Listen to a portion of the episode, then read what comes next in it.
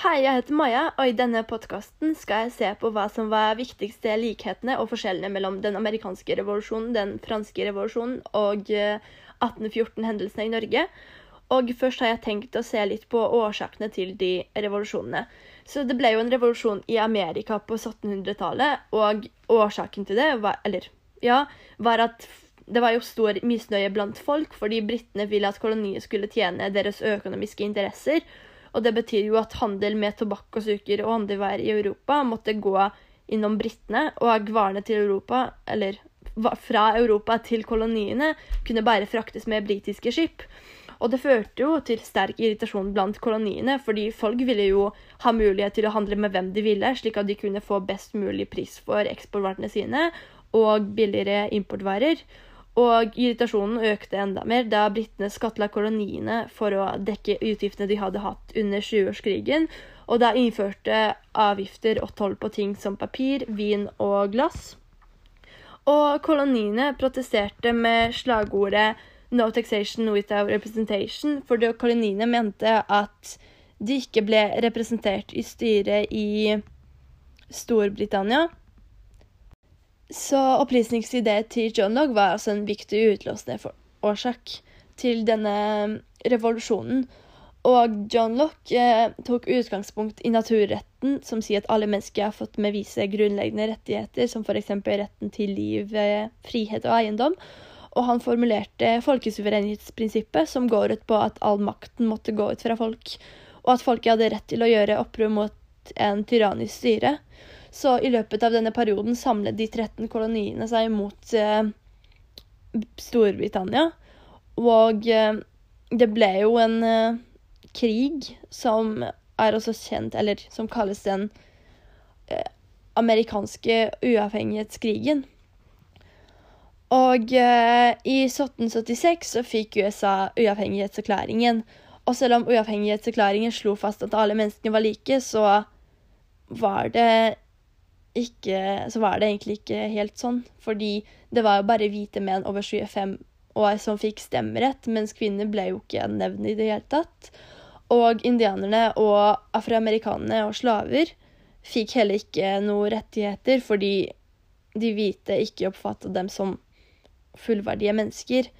Så videre ble fordelingen av makt gjort på Eller den ble basert på Montesquieu-prinsippet. Eh, og Montesquieu var en filosof, og han mente at friheten ville alltid være truet hvis det var én person som eh, satt med all makten, og han formulerte en eh, maktfordelingsprinsippet som gikk ut på at staten skal fordeles på tre uavhengige institusjoner, en lovgivende, en utåpne og en dømmende. Og samtidig var det viktig med at maktbalanse mellom de altså de styrende, lovgivende og dømmende myndigheter, slik at de kunne på en måte kontrollere hverandre, slik at makten ikke ble utnyttet. Så Opplysningstiden og den amerikanske revolusjonen var jo en viktig bakgrunn for den franske revolusjonen, fordi de har inspirert franskmennene til å ta et oppgjør mot de autoritære styr styringsmaktene. Og Amerika hadde jo nettopp hatt en revolusjon, og dermed så oppsto det debatter om menneskets grunnleggende rettigheter. Mens sant, i Frankrike så var samfunnet delt opp i eh, første standen, som var kirken, og andre stand, som var delen, adelen. Og de sto for omtrent 2% av befolkningen. Og tredje standen var omtrent 98% av hele befolkningen. Og det var bønder og arbeidere osv. Og, og eh, det var jo en privilegiesamfunn der kun tredjestanden måtte betale skatt. Og eneveldet sto jo veldig sterkt i Frankrike. Altså kongen hadde jo veldig mye makt, og eh, de mente at makten kom fra Gud. Men eh, eh, det var jo sånn at Frankrike hadde deltatt i veldig mange dyre kriger. Og det satt jo landet i økonomisk krise, fordi kongen har jo tatt opp masse lån. Og eh, for å få tak eh, i pengene, så ville den ene veldig kongen Ludvig den 16. at han ville på en måte skattlegge presteskapet og adelen, altså den første og andre standen, som aldri tidligere har betalt skatt.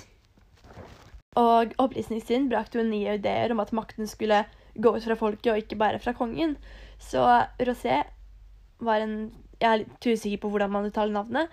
Han var i hvert fall den viktigste inspirasjonskilden for revolusjonen. Og han eh, formulerte allmennsviljen, som går ut på at eh, folkets vilje er jo det viktigste. Og eh, ja, Men det gjorde i hvert fall at fredisstanden krevde mer makt, og de erklærte seg etter hvert som Frankrikes nasjonalforsamling. Og eh, det betydde jo at eneveldet ble oppblåst.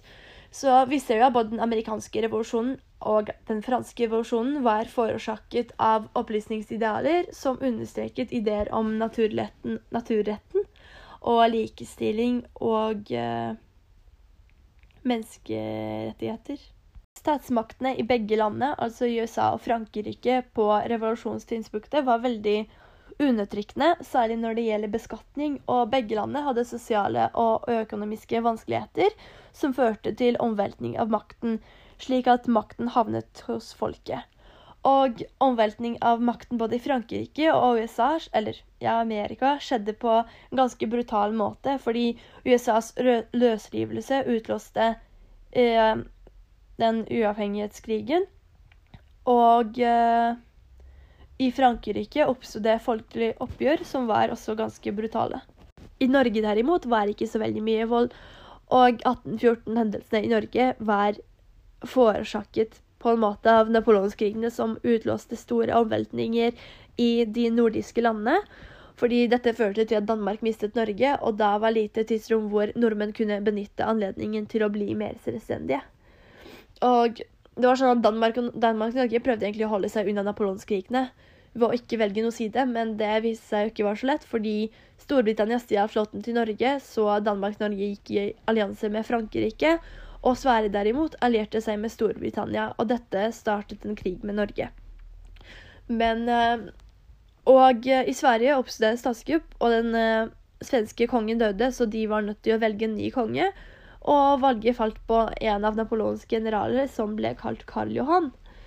Og plutselig var Norge i natt, og i et forsøk på å redde landet så sendte Danmark kronprinsen sin Christian Fredrik til Norge. Og han ble sendt til Norge som statsholder i et forsøk for å, på å holde Norge som en del av Danmark-Norge. Men i 1814 så bestemte den danske kongen seg for å gi Norge til Sverige. Noe som han eh, Beklager. Eh, Christian Fredrik ikke godtok. Eh, og han hevda at eh, han hadde arverett til riket, og at han kunne styre som eneveldig konge. Men uh, dette førte til protester. Men Georg Sverdrup mente suvereniteten til Norge tilførte det norske folket, og ikke prinsen. Så Christian Fredrik ga etter for dette, og det ble kalt inn til en riksfor riksforsamling med mål om å utarbeide en grunnlov. Og den norske grunnloven var også sterkt preget av Montesquieu maktfordelingsprinsippet, noe som er likt for alle disse tre landene. Og ifølge grunnloven så var utøvende makt kongen, som kunne velge sine egne statsråder, og lovgivende makt ble en folkevalgt nasjonalforsamling, som også ble kalt uh, Stortinget, og den dømmende makt var domstolene. Og det ble stemmerett til embetsmenn og bredestilte byborgere og bønder som enten eide eller som hadde leid jord i minst fem år. Men eh, kongen av Sverige, altså han Karl Johan, var ikke enig og mente at dette var jo en ulovlig opprør. Og han gikk til krig mot Norge, men krigen ble avsluttet fort, og Norge skulle få beholde grunnloven så lenge Christian Fredrik forlot landet, og eh, det ble et selvstyre under Sverige. Og eh, Altså, uten napoleonskrigene og alt som skjedde, så er det ikke sikkert at Norge i dag ville hatt sin egen grunnlov, eller vært et selvstendig land. Så jeg ville si at det at Norge fikk sin egen grunnlov på den tiden, var også litt tilfeldig, fordi Norge var på en måte i skyggen av krigen, og eh, siden danske og svenske var mer opptatt av krigen, så fikk Norge mulighet til å bli mer selvstendige. Og for å kort oppsummere så vil jeg si at vi ser tydelig at hovedgrunnen til at alle disse revolusjonene var misnøye blant folk og økonomiske årsaker, og at både den amerikanske revolusjonen og den franske revolusjonen og 1814-hendelsen i Norge var også sterkt inspirert av opplysningsideer og tanker, og maktfordelingsprinsippet, allmennviljen, folkesuverenitetsprinsippet og menneskerettigheter sto veldig sentralt. Og det som kan være litt eh, forskjellig, er at eh, altså den franske og den amerikanske revolusjonen var mye mer voldelige enn 1814-hendelsene i Norge. Og en annen ting som er forskjellig, er at det var mye større religionsfrihet i USA og Frankrike enn det var i Norge.